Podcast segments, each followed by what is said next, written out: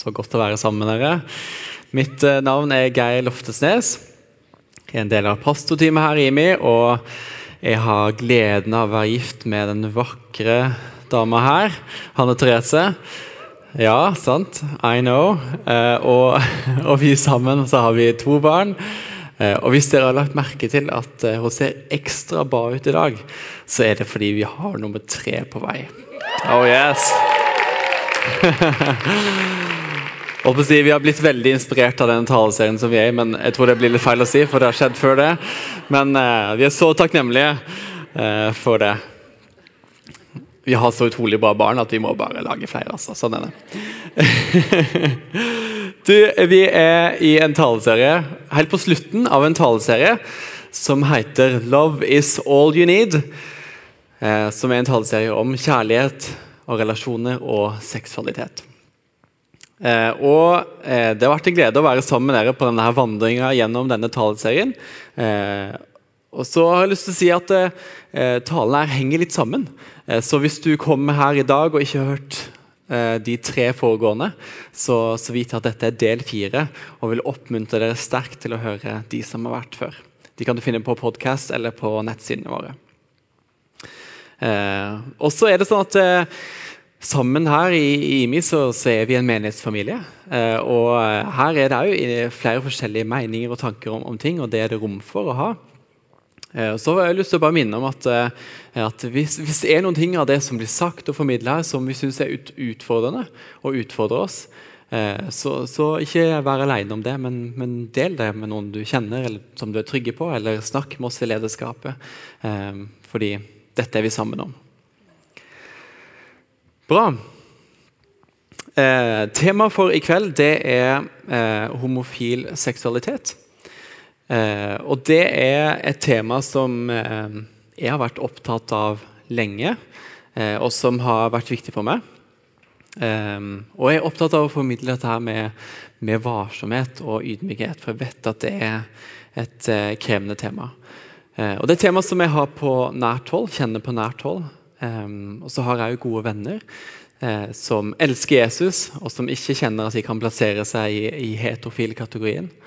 Eh, og så har jeg òg venner utenfor kirka som eh, del, vil, vil, regne at de er en del av Eller har venner og bekjente utenfor kirka som vil regne seg som en del av LHBTQ-miljøet, som er altså en fellesbetegnelse for lesbiske, homofile, bifile, transseksuelle og skeive. Um, og jeg vet at Når jeg, jeg beveger meg inn i dette, dette, temaet, her, så er det veldig kompleks. Eh, og jeg har eh, kutta talen mange ganger. så sier noe om at dette er et veldig stort område å, å klare å dekke i løpet av en tale. og Det, det, det klarer jeg ikke. Eh, men eh, jeg har eh, lyst til å hovedsakelig berøre to temaer eh, innenfor dette temaet, eller to områder innenfor dette temaet. Og Det ene handler om hvorvidt vi tror at Gud gir rom for likekjønna samliv for de som er kristne, og hvordan man som eh, kristen kan leve med en homofil orientering. Det er på den ene sida. Og på den andre sida har jeg lyst til å fokusere på hvordan vi som kirke er kalt til å møte og elske LHBTQ-miljøet. Og Jeg bruker litt forskjellige begrep gjennom denne talen. her. Jeg sier LHBTQ og jeg sier homofile. og sånne ting. Og ja, jeg bruker litt sånn om hverandre. Jeg tenker på det litt som en sånn samlebetegnelse for de som eh, opplever å ha en, eh, en, orientering innenfor disse områdene. Seksuell orientering, ja. Eh, før, vi, før, vi, går inn i dette, her, så har jeg litt behov for å, for å definere eh, homofil seksualitet. fordi det kan være ganske mangfoldig. Eh, det er et stort, stort område. Og Det er viktig at vi skjønner at dette oppleves veldig forskjellig for ulike mennesker. Eh, jeg har eh, referert til denne boka før i taleserien. Fantastisk bok fra Deborah Hirsch som, som heter 'Redeeming Sex'. Eh, hun, og han, hun, og mannen har vært her i Stavanger noen dager denne helga. Reiste på morgenen i dag. Vi er så takknemlige for å stå i relasjon med dem. Har masse visdom. og denne boka er jo fantastisk på dette området, her, hvor hun deler hennes vandring eh, i forhold til dette med seksualitet.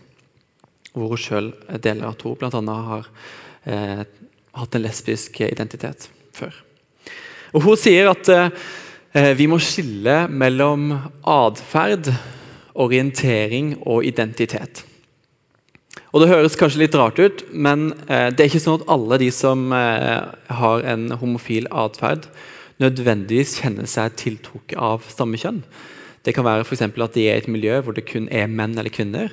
F.eks. i noen fengsler eller eh, militære eller hva det måtte være. Så det er greit for oss å vite. Og så er det sånn at eh, ikke alle med homofil orientering eller tiltrekning vil nødvendigvis identifisere seg som homofil. Mens andre igjen vil tenke at de har en eh, homofil identitet.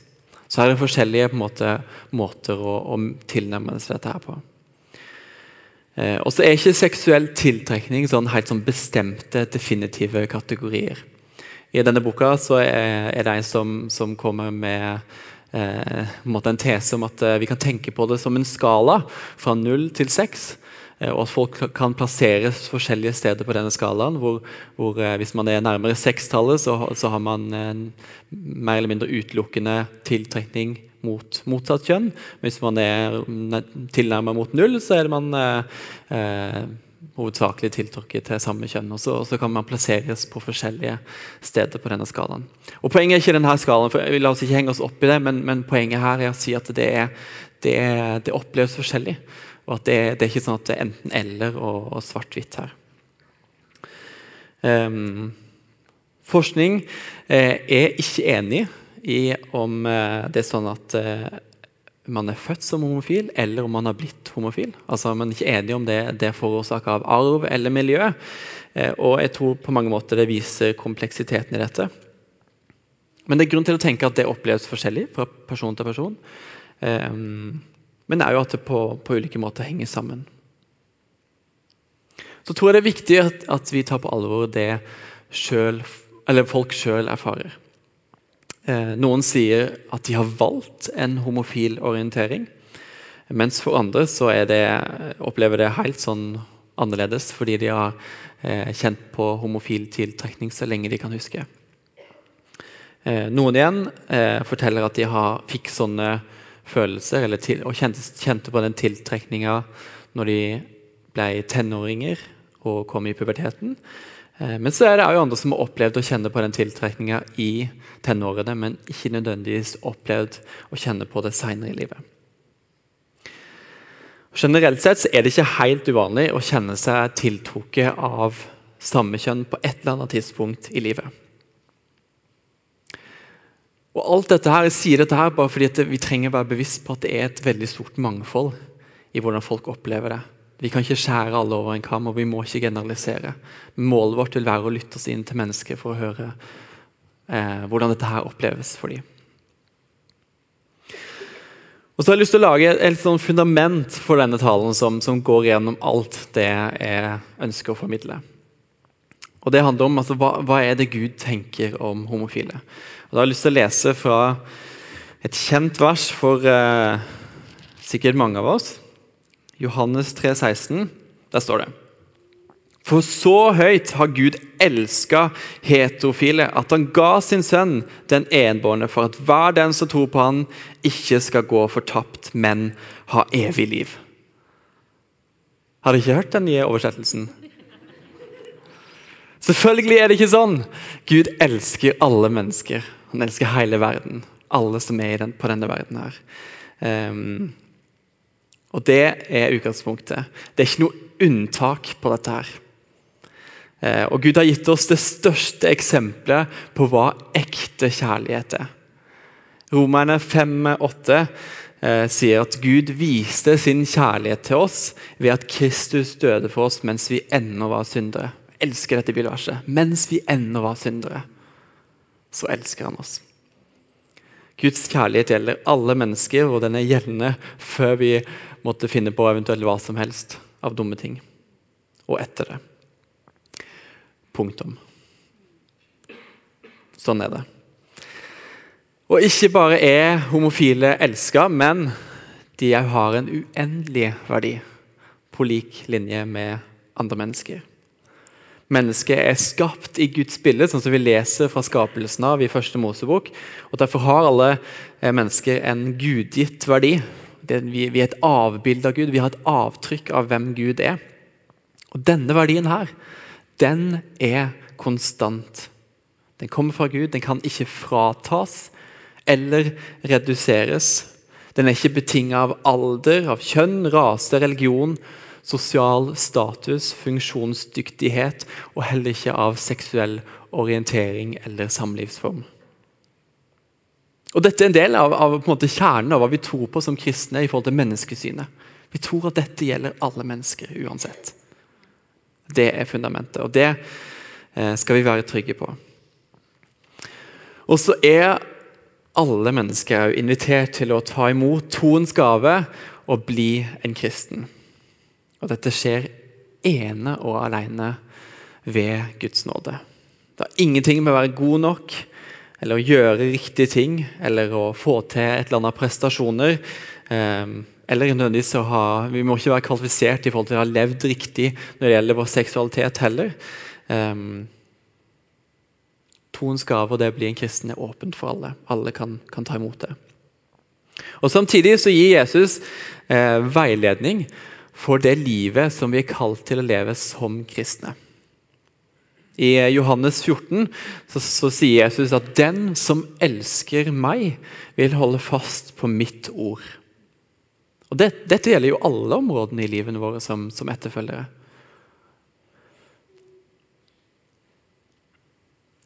Det er helt gratis halleluja, å ta imot troa på Jesus og bli Guds barn. Og så er det sånn at det, det koster samtidig hele livene våre. Og Dette leder meg til det første spørsmålet. Gir Gud rom for likekjønna samliv eller ekteskap blant kristne? For det første, når vi, når vi, går inn i dette spørsmålet, her, så, så eh, må vi vite at vi, vi, kan ikke forvente at folk som ikke tror på Gud, skal leve etter kristen etikk eller leve en kristen livsstil. Altså, Vi tror at absolutt det er god grunn til å gjøre det, men vi kan ikke forvente eller pålegge andre mennesker det. Eh, så Derfor er premisset for, for dette spørsmålet at det gjelder de som er kristne og ønsker å følge etter Jesus. Og Dette er på mange måter et eh, teologisk spørsmål. Altså Teologi det betyr læren om Gud. Eh, og alt grunnlag for hva vi kan vite om hva Gud tenker, det har sitt utgangspunkt i, Guds ord i Bibelen. Og Så finnes det flere måter å tolke Guds ord på. Jeg skal ikke bruke tid i denne talen for å snakke om bibeltolkning og, og den den biten der, for det er et stort tema. Men, eh, men målet vårt vil alltid være å forstå hva som står skrevet her, ut ifra den konteksten det ble skrevet i. Forstå og forstå hva dette har å si for våre liv og vår kontekst i dag.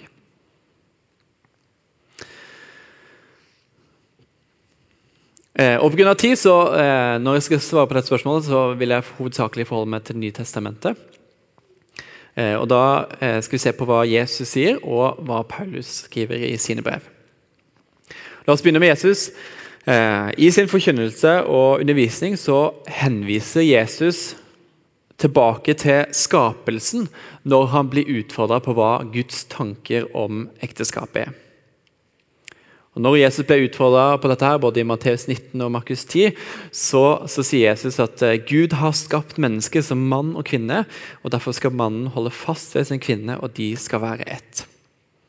Det Gud har sammenføyd, skal mennesket ikke skille. På mange måter så, så bekrefter Jesus her at eh, samlivet er meint til å være sånn som det var tenkt fra skapelsen av. Og Det er det som er, det her rammen for det seksuelle samlivet er. Eh, mell, eh, mellom mann og kvinne. Eh, så Selv om ikke Jesus sier sånn noe eksplisitt om homofile, så sier han likevel noe implisitt om det i denne teksten. her. Og så er det sånn at eh, Jesus og disiplene de levde i en jødisk eh, kontekst hvor eh, homoseksuell atferd ble avvist. Og Derfor er det grunn til å tenke at om Jesus og disiplene hadde hatt et annet syn eller en annen praksis på dette området, så ville det etter all sannsynlighet ha blitt brukt mot han som en anklage i møte med f.eks. fariseerne og de skriftlærde. De som alltid prøvde å, å fange Jesus i, i ord. Eh, og Han ble kritisert for alle mulige småting, som f.eks. at disiplene plukka aks på sabbaten. Går vi videre til, eh, til Paulus eh, Dette er jo veldig sånn forkorta versjon av, av, disse tingene, men, men jeg gir noen tanker. Uh, Ser vi på Paulus sine brev i, i Det nye testamentet, så omtales eh, homoseksuell atferd eksplisitt tre ganger i brevene. Eh, det er i Romerbrevet, i første Korinterbrev og første Timoteusbrev. Eh, og da Den norske kirke jobba gjennom dette, dette, teologiske spørsmålet i lærenemnda i 2006, så var det sånn at eh, nemnda var delt på midten i konklusjonen. Men de var likevel enige om at disse nytestamentlige tekstene ikke kan forstås på en annen måte enn at Paulus mener at det som kristen ikke er rom for homoseksuelt forhold eller atferd. Og så har det blitt gjort forsøk på å forstå eh, disse tekstene i, eh, i, en kontekst av spesielle former for homoseksuell atferd. F.eks. kultisk prostitusjon, eh, pedofili, eller at det egentlig kun gjaldt heterofiles eksperimentering med andre former for seksualitet. Eh, men det er sånn at disse, disse, sånne tolkninger det er i stor grad forlatt eh, nå i dag i bibelforskningen. Man tenker ikke at det er grunnlag for å tenke det. Så kan vi likevel spørre om tekstene taler om en helt annen form for homofili enn det vi, vi, tenker at det er i dag, eller sånn som vi opplever det i dag. Um, og Da vil jeg bare si at det finnes skrifter fra denne tida som beskriver mange forskjellige måter eh, som eh, eh homofil orientering leves ut på, som egentlig ikke er så forskjellige fra det vi møter i dag. Det innebærer òg varige forhold mellom likekjønna. Så på mange måter så, så kan vi ikke feie det bort og si at det kun eh, altså de er ikke kjent med hvordan det ser ut i dag, for det, det var mange likheter på den tida. Bare vil presisere at Paulus vender seg ikke mot mennesker med homofil orientering, men, men det er homoseksuelle forhold og atferd som han tar et oppgjør med i disse tekstene. Og, og, Med det som bakgrunn og, og flere, og et, et større bilde, som sagt, så, så opplever ikke vi i IMI at eh, Bibelen gir rom for likekjønna eh, samliv. For de som er kristne og ønsker å følge etter Jesus. Og Dette gjør vi med en, sammen med en veldig stor andel av den verdensvide kirka. Som en eh, teologiprofessor jeg snakka med i forrige uke, sa, Altså Det problematiske med likekjønna ekteskap og det å åpne opp for det, er at det drar med seg en nokså drastisk eh, omtolkning av grunnleggende teologiske prinsipper. Og Derfor har Kirka strevd med dette spørsmålet eh, de siste ti åra. Fordi Det handler ikke bare om hvorvidt vi skal gå god for likekjønna samliv. Eh, men hvis vi gjør det, så har det ganske store konsekvenser for vår bibelforståelse. Og så vet vi at det er andre kristne som konkluderer annerledes. Òg i vårt fellesskap og i vårt kristne fellesskap her i IMI. Og det, det, er fortsatt rom til å tilhøre her, selv om man tenker annerledes om dette spørsmålet. Og vi, ingen, vi, vi, vi fordømmer ikke andre kristne som måtte mene noe annet enn oss. Ok, så, så mener vi det, men, men eh, hvorfor, hvorfor tenker vi egentlig dette her? Hvorfor, hvorfor, er det sånn at, eh, at uh, Gud har satt disse rammene sånn som han har gjort, ut fra hvordan vi leser Bibelen? Vi vet at uh, Gud skapte mennesket heterofilt fra begynnelsen av, som mann og kvinne. Og det er jo sånn reproduksjon var mulig. Uh, og så tror vi at ekteskapet mellom mann og kvinne viser mer av hvem Gud er.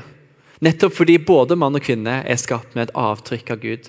Så sammen så viser de mer et helhetlig bilde av hvem Gud er. Det er mer komplementerende, så vi får se mer av hvem Gud er gjennom det. Og Derfor på mange måter vil vi tenke at det er best for barn å både vokse opp med en mor og en far. Um, og så vet vi jo at det likevel ikke er sånn at alle har, muligheten til å vokse opp med en mor og en far.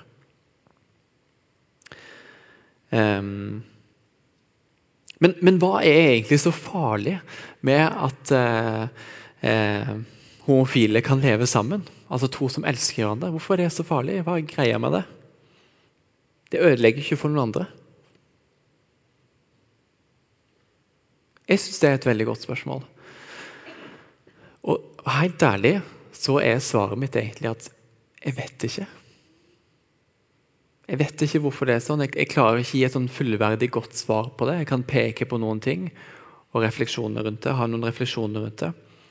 Um, men samtidig så klarer jeg ikke å dra en annen slutning i Bibelen enn det jeg allerede har skissert, selv om jeg en gang måtte ønske det. Og her, her, er det ikke noen enkle svar. Og Jeg har forståelse for at dette her kan være krevende å høre for, for de som er berørt av dette. her. Fordi seksualiteten vår er dypt innvevd i hvem vi er. Og Det er snakk om store spørsmål for de det gjelder, samtidig som vi, som vi kan kjenne på sterke følelser knyttet til det. Så er spørsmålet hvordan skal man som kristen leve med en homofil orientering. Og jeg har lyst til å være litt konkret her, fordi eh, jeg vil vise et bilde av, eh, av at det, det, er som sagt ganske kompleks. Eh, Det er ikke noe svart-hvitt-svar her, men, men jeg, jeg, ønsker å gi eh, tre, vise, vise, de tre alternativene og, og hvordan det ser ut. Eh, Det er på en måte litt selvsagt hva de tre alternativene er, men det er altså homofilt samliv og ekteskap som et alternativ å velge det. Eller heterofilt ekteskap. Eller å velge å leve i eh, sølibat, eller som enslig. Og så Hvis vi ser på det første alternativet, eh, det å velge å leve i homofilt samliv, så er det kristne som velger dette her, enten fordi de har konkludert annerledes teologisk, eller fordi man opplever at det er så vanskelig å leve i henhold til egen overbevisning. Og hva da med, med homofile som har levd i parforhold, og så blir kristne? Hva skal man gjøre da for noe? Jeg har ikke behov for å gi et sånn fasesvar, fasitsvar, men, men, jeg har hørt om ulike løsninger folk som, som, velger forskjellige ting. Altså det, det er par, som ikke ønsker eller som ikke velger å, å, bryte opp forholdet sitt fordi de opplever det for krevende. Så er det par som, eh, som velger å løse opp forholdet sitt. Og så har jeg jo hørt om par som velger å leve samme, fortsette å leve sammen i samme hus, men ikke dele seng sammen lenger. Um, og um, noe av det som er viktig for oss, og som vi skal søke mer om senere, er at eh, her må vi gi rom for prosessen. Det å være i prosess. Ehm, det er sånn at ingen av oss som har valgt å bli kristen, plutselig over natta med en gang automatisk ble helliggjort eller fullt ut disippelgjort. For alle oss kristne er det en vandring, og det må vi gi rom for. Og Før jeg går videre på de to andre alternativene, så har jeg jo bare lyst til å si at um, det er òg en del, god del kristne med homofil orientering som er enige i at Gud ikke åpner opp for uh, likekjønna samliv. Og som trenger å stå sammen med en menighetsfamilie som heier på de uh, og verdsetter dette valget. Alright, La oss gå videre til det andre alternativet det å velge å leve i eh, heterofilt eh, samliv eller ekteskap. Ehm, for det første ehm, Hvis man som homofil og kristen velger dette, her, så, så vil jeg bare si at det er, eh, det er helt uforsvarlig å presse seg sjøl eller andre inn i et heterofilt forhold dersom man ikke er klar for det sjøl eller overhodet ikke kjenner tiltrekning. Men det er samtidig flere med homofil orientering som kan leve godt i et heterofilt ekteskap og kjenne seg tiltrukket av ektefellen, enten umiddelbart eller etter hvert. Og For mange kristne med homofil orientering så kan dette oppleves som et godt og fullverdig alternativ. Så er spørsmålet kan, kan orienteringen endre seg over tid. Jeg har allerede vært inne på at noen kan erfare å ha denne tiltrekninga som, tenår, som, tenåring, men, men, utover det kan, kan, kan det endre seg. Um, det vil si at uh, noen opplever ikke at den kan endre seg, og så er det andre som opplever at eller de gjør erfaringer at den, at den kan endre seg.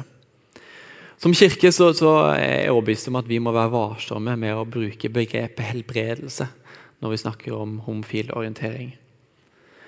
Eh, men som sagt eh, Homofil tiltrekning kan, kan jo òg være et resultat av miljø og oppvekst.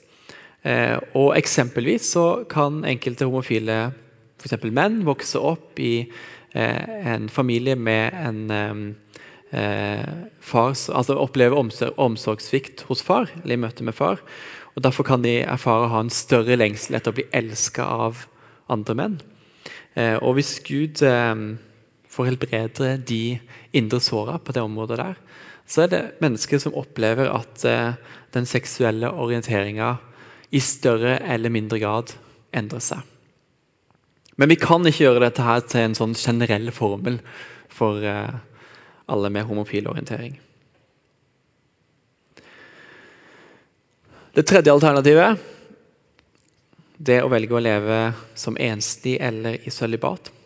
Så har Jeg lyst til å si at eh, jeg har forståelse for at kristne med homofil orientering eh, kan oppleve det vondt å, å måtte velge dette alternativet.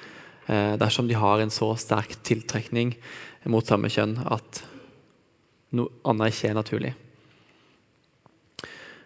Og samtidig som vi har snakket om tidligere i denne taleserien, så er det mange både i kirka vår og i samfunnet vårt som opplever å falle innenfor denne kategorien, uavhengig av legning. Og Vi skal ikke bruke så mye tid på å gå inn på dette, for, Martin snakka glimrende om det for to uker siden, så, så jeg henviser heller til den talen. Eh, men jeg har behov for å si at det er fullt mulig å leve meningsfulle og gode liv selv om man frivillig eller ufrivillig ikke er i et parforhold. Og som vi har om tidligere, Våre seksuelle behov er mer enn et behov for å ha sex. og Derfor kan eh, mange eh, av våre lengsler og behov når det gjelder seksualiteten vår, bli møtt gjennom nære relasjoner og vennskap, hvor vi får erfare kjærlighet, intimitet og nærhet. For det er vi alle skapt til, uavhengig av forhold.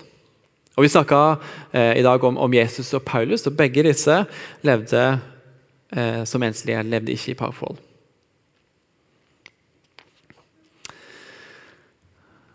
All right. La oss gå videre til neste spørsmål. Um, og på mange måter tenker jeg at dette her er litt det viktigste spørsmålet for oss, fordi det angår oss alle. Hvis Gud elsker homofile, hvordan kan vi som kirke gjøre det samme?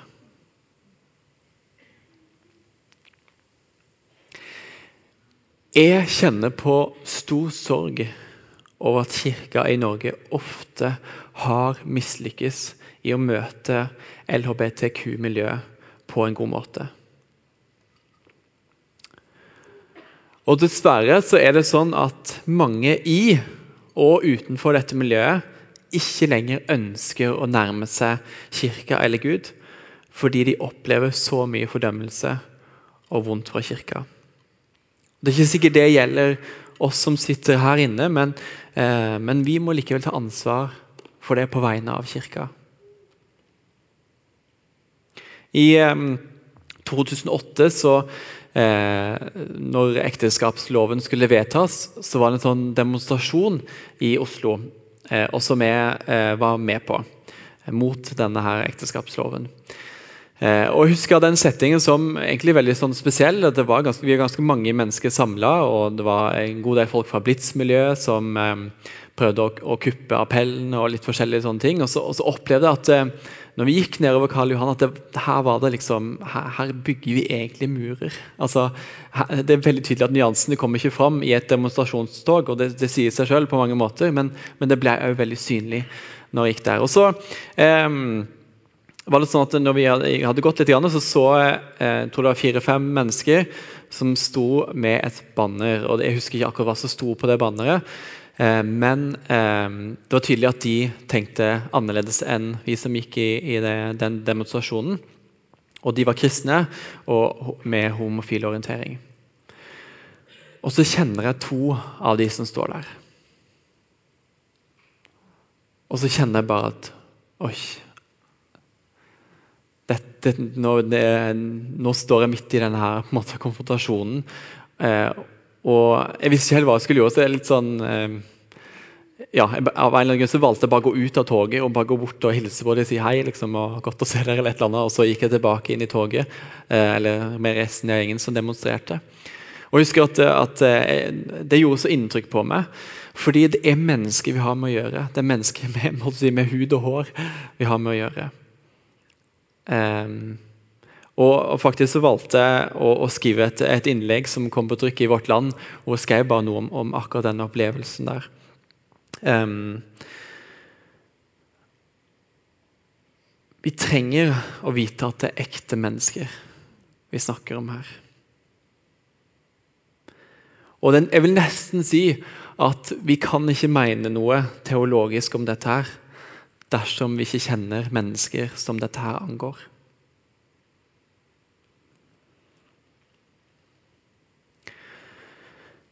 Debatten som har vært rundt eh, homofilispørsmålet de siste tiårene, har dessverre gjort at Kirka i stor grad, eh, når det gjelder homofili, kun snakker om hva som er rett teologi eller rett lære om hva vi skal mene.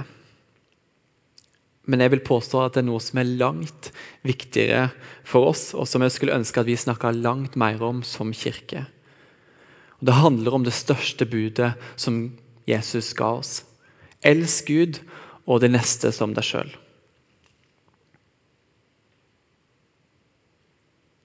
Så hvordan ser det ut da å elske homofile? elsker LHBTQ-miljøet. Altså På mange måter så, det ikke, så, er det ikke noe annerledes enn å elske mennesker som er heterofile. Um, men det er noen ting vi som kirke må være bevisst på. Uh, for de som opplever at det er noen sånne høye murer mellom de og kirka, og som gjør at uh, få av de vil oppsøke kirka av egen lyst og vilje, så trenger vi som kirke å ta ansvar for å bryte ned disse murene. Vi blir utfordra på å gå ut og gjøre folkeslag til Jesu disipler. Vi blir utfordra på å gå ut. Og Kanskje er det vår tur til å gå ut av komfortsonen.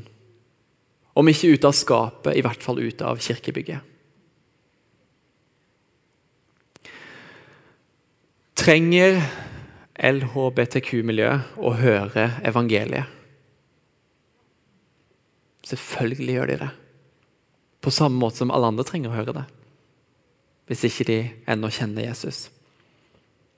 Og Vi tror på en Gud som det står i Bibelen, som ikke sendte sin sønn til verden for å dømme verden, men for at verden skulle bli frelst ved ham. Det står rett etter Johannes 3, 16 i vers 17. Han som vil at alle mennesker skal bli frelst og lære sannheten om kjenne, står det i første Timoteus brev. Og han sender oss. Han sender oss. Og om eh, mennesker med, fra LHBTQ-miljøet er lei ordene våre måtte de erfare Guds kjærlighet gjennom handlingene våre. De siste 30 åra har homofiles levekår bedra seg betraktelig i landet vårt. Eh, men det er fortsatt sånn at det er mange som opplever det vondt å leve med en homofil orientering. Enten pga. mobbing, hetsing eller fordømmelse. Hva om vi som kirke var kjent for å stå opp for homofiles verdi som mennesker. Om det så var i, i skolegården, i media eller blant kollegaer. Jeg kjenner jeg har en sånn lengsel for oss som kirke på dette området. her. Vi kan være holdt på å si, uenige med, med store deler av samfunnet på, på akkurat det hvorvidt vi eh, Eller på, på spørsmålet om likekjønna ekteskap. Men måtte kirka være det stedet hvor homofile erfarer seg høyest elska?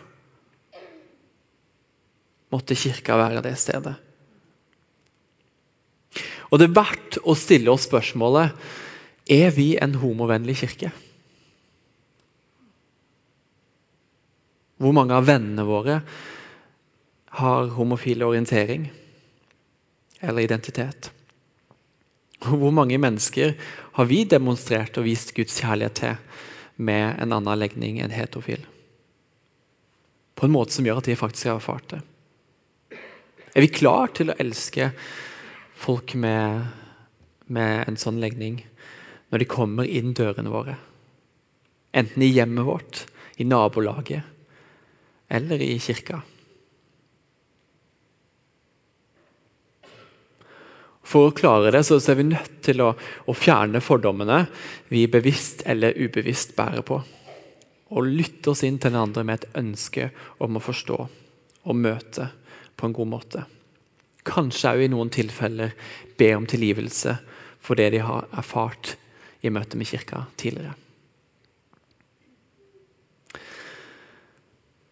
Hva tenker du som er kristen om homofile? Hvor mange av oss har ikke møtt det spørsmålet? Og Det oppleves ikke behagelig. Det oppleves sikkert for mange av oss ganske ubehagelig å bli stilt til vekst på den måten med, med sånt spørsmål. Um, og, kanskje litt sånn eh, rett fram sagt, men, men, kanskje er det den fordømmende holdninga som mennesker har møtt i kirka, som nå kommer, oss i retur, kommer til oss i retur.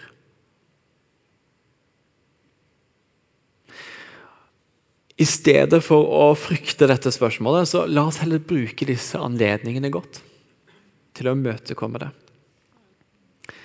Eh, og Da er det viktig for oss å, å skjelne, hva er det som egentlig blir stilt spørsmål her, om her, når folk stiller et sånt spørsmål.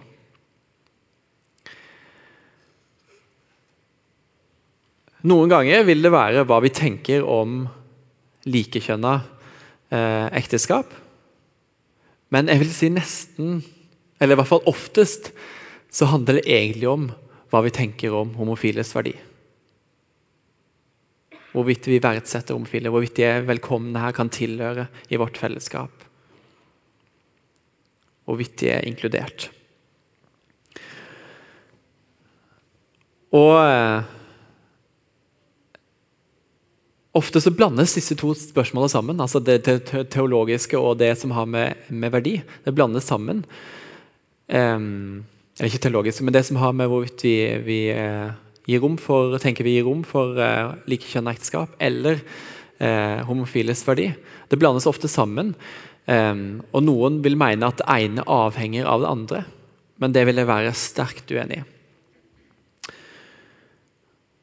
Og eh, dette her med, som har med verdien å gjøre, har vi allerede berørt. og Der kan vi um, være trygge og, og, tydelige på hva Kirka og hva Bibelen mener. Um, og er det derimot det, den, den, biten som har med uh, hvorvidt vi gir rom for likekjønna ekteskap, um, så kan, så en påminnelse igjen Vi kan ikke forvente at folk som er utenfor kirka, skal anerkjenne kristen etikk. Så Derfor må vi starte på et annet sted. Og jeg ville kanskje sagt noe sånn Som altså som kristne så tror vi, at, tror vi, på det som står i Bibelen, og at det er sant.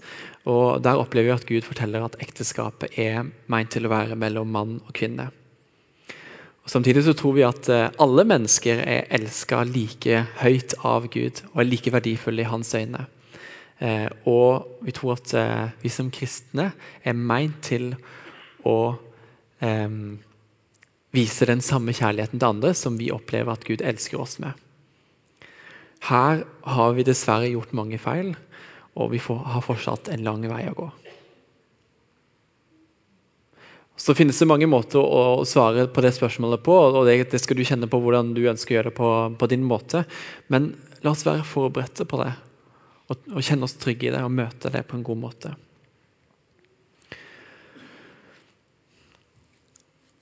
Vi går mot eh, landing i denne talen her. og jeg har lyst til å gi rom for, for et perspektiv som jeg tror er utrolig viktig for oss, som ikke bare handler om, om det som har med legning å gjøre. Og det er at vi i Imekirka her, vi er en Jesus-sentrert kirke. Og For de som eh, eventuelt hører på podkast, så har jeg et bilde her med noen fancy eh, tegneseriefigurer. Altså det, det, er et sentrum med Jesus i midten, og så er det mennesker som er plassert i forskjellig avstand fra det sentrumet. Og Noen mennesker har pil bort fra sentrum, og andre mennesker har pil inn mot sentrum. Og Som kirke så har vi Jesus i sentrum. Halleluja. Eh, og er Eh, og folk er på forskjellig avstand i møte med Gud. Og uansett hvor langt borte man er fra Gud, så trenger vi bare å snu oss mot han. Og så er han der, klar for å møte oss. Det tror vi på, og det er helt nydelig. Vi snakker om omvendelse, og det handler om at vi vender oss om. altså Vi snur, vi snur retning mot Jesus. Sånn som det står i, i Bibelen, i Apostlenes gjerninger, at Gud er ikke langt borte fra en eneste en av oss. Og Noen mennesker kan virke til å være nært sentrum, nær Jesus. Eh, men egentlig så har de snudd seg bort fra han og har en retning eh, eh bort fra Jesus. Og så er det andre mennesker som kan ha helt, sånn, helt si, ukristelige eh, samlivsetiske standpunkt. Eller å ha mange svin på skogen. Sånn som f.eks. røveren som eh, hang ved siden av Jesus på korset. Men det som betyr, betyr, noe, er om han har vendt seg om og snudd retning mot sentrum. Har retningen mot Jesus. Og har vi det, så skal Gud få dra oss stadig nærmere han. Nærmere og nærmere. Og Dette her er, er, noe som tar tid. Dette her skjer over tid. Og Det handler om å stadig få se mer av hvem Gud er, og ta imot det han vil gi oss. Og vi, som sagt, er en sånn Jesus-sentrert kirke. Denne vandringa mot Jesus den, den ser forskjellig ut fra person til person. Jeg tror det er like mange vandringer og historier på dette her, som det er mennesker i denne her salen. her. Og Vår viktigste oppgave er, er å, å, først og fremst hjelpe mennesker til å, å vende retningen mot Gud. Og Deretter skal vi sammen hjelpe hverandre å nærme oss Jesus, se mer av hvem han er. Komme han nær. Og I denne vandringen så vil vi være opptatt av å gi andre mennesker nok nåde til å fortsette å tilhøre fellesskapet, mens vi bruker den tida vi trenger på å komme Jesu nær. Lovsangstime, dere kan komme opp. Vi er, eh, vi er, helt på tampen av, av denne taleserien nå, eh, og vi har berørt flere sensitive temaer på forholdsvis kort tid. Jeg har behov for å repetere at målet vårt hele tida har vært å formidle Guds sannheter i kjærlighet på en måte som skaper håp i oss. Håp om at Gud har et godt liv for oss, òg når det gjelder seksualiteten vår. Og Vi kan snakke, bruke mye tid på å snakke om, om det vakre med seksualiteten. og Det er det god grunn til å gjøre. Den er gitt av Gud. Men sannheten er at den er òg skjør. Og den er ikke lenger det den var skapt eller meint til å være. Og Vi trenger ikke gå ut på byen en helgenatt for å se det eller skjønne det. Vi trenger ikke engang skru på TV-en for å bli minnet om det. Fordi vi erfarer det i vår egen menighetsfamilie. Dette er historien til mange av oss. Vi er mange her som, eh, som har vært og fortsatt er på en krokete vei når det gjelder vår seksualitet. Og det er det så rom for. Og som kristne så er det vår glede, både for vår egen del individuelt og sammen som fellesskap, å være, på denne, være underveis, være på denne vandringa hvor vi får komme Jesu nær. Mer og mer. Tross vår ufullkommenhet. For en lykke.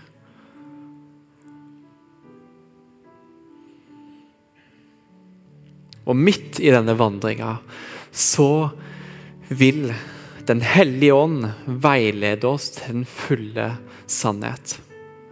Og sette våre liv i virkelig frihet. Den hellige ånd er klare til å helbrede vår seksualitet på de områdene som trenger det. Vi har en Gud som vil møte oss der hvor vi er. Og han tar utgangspunkt i vårt utgangspunkt, ikke hvordan ting burde ha vært. Kan vi ikke sammen eh, reise oss opp?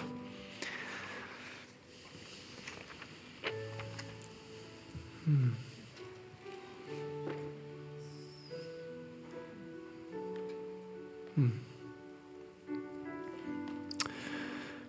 Gode pappa, jeg har lyst til bare jeg har lyst til å bare hylle deg. Du er så god. Du er så full av godhet. Og du har så mye godt for våre liv. Og Vi har lyst til å takke deg for det, og vi har lyst til å ta imot det.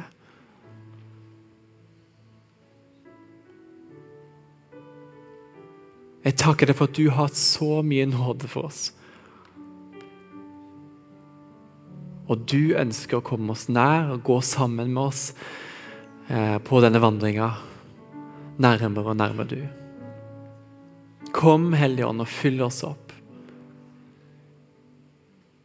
Møt oss akkurat der vi er. Takker deg for at du kjenner oss fullt ut, og du vet alle de tankene og følelsene vi måtte kjenne på, både i dag og, og eh, gjennom denne taleserien og gjennom, gjennom de, de tingene vi måtte tenke på knytta til vår seksualitet. Takk for at du kjenner det. Det der er ikke ukjent for du. Og midt i det så, så kommer du oss i møte. Så omfavner du oss og vil være nær oss.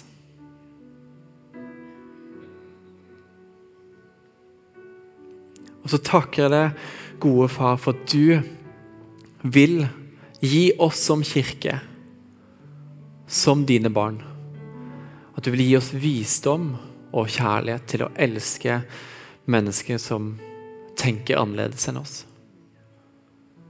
Og som vil velge å leve liv som er annerledes enn det vi vil tenke er bra. Takk for at du vil gi oss nesten verktøyer til, til, å bryte ned de murene som, som er mellom kirka og andre mennesker.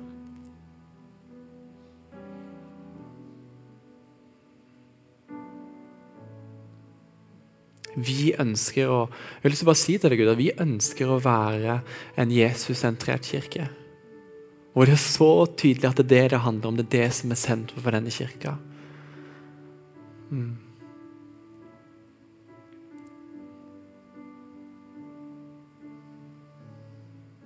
Hjelp oss å, å se det, hvordan det ser ut.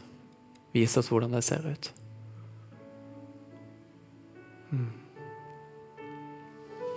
Mm.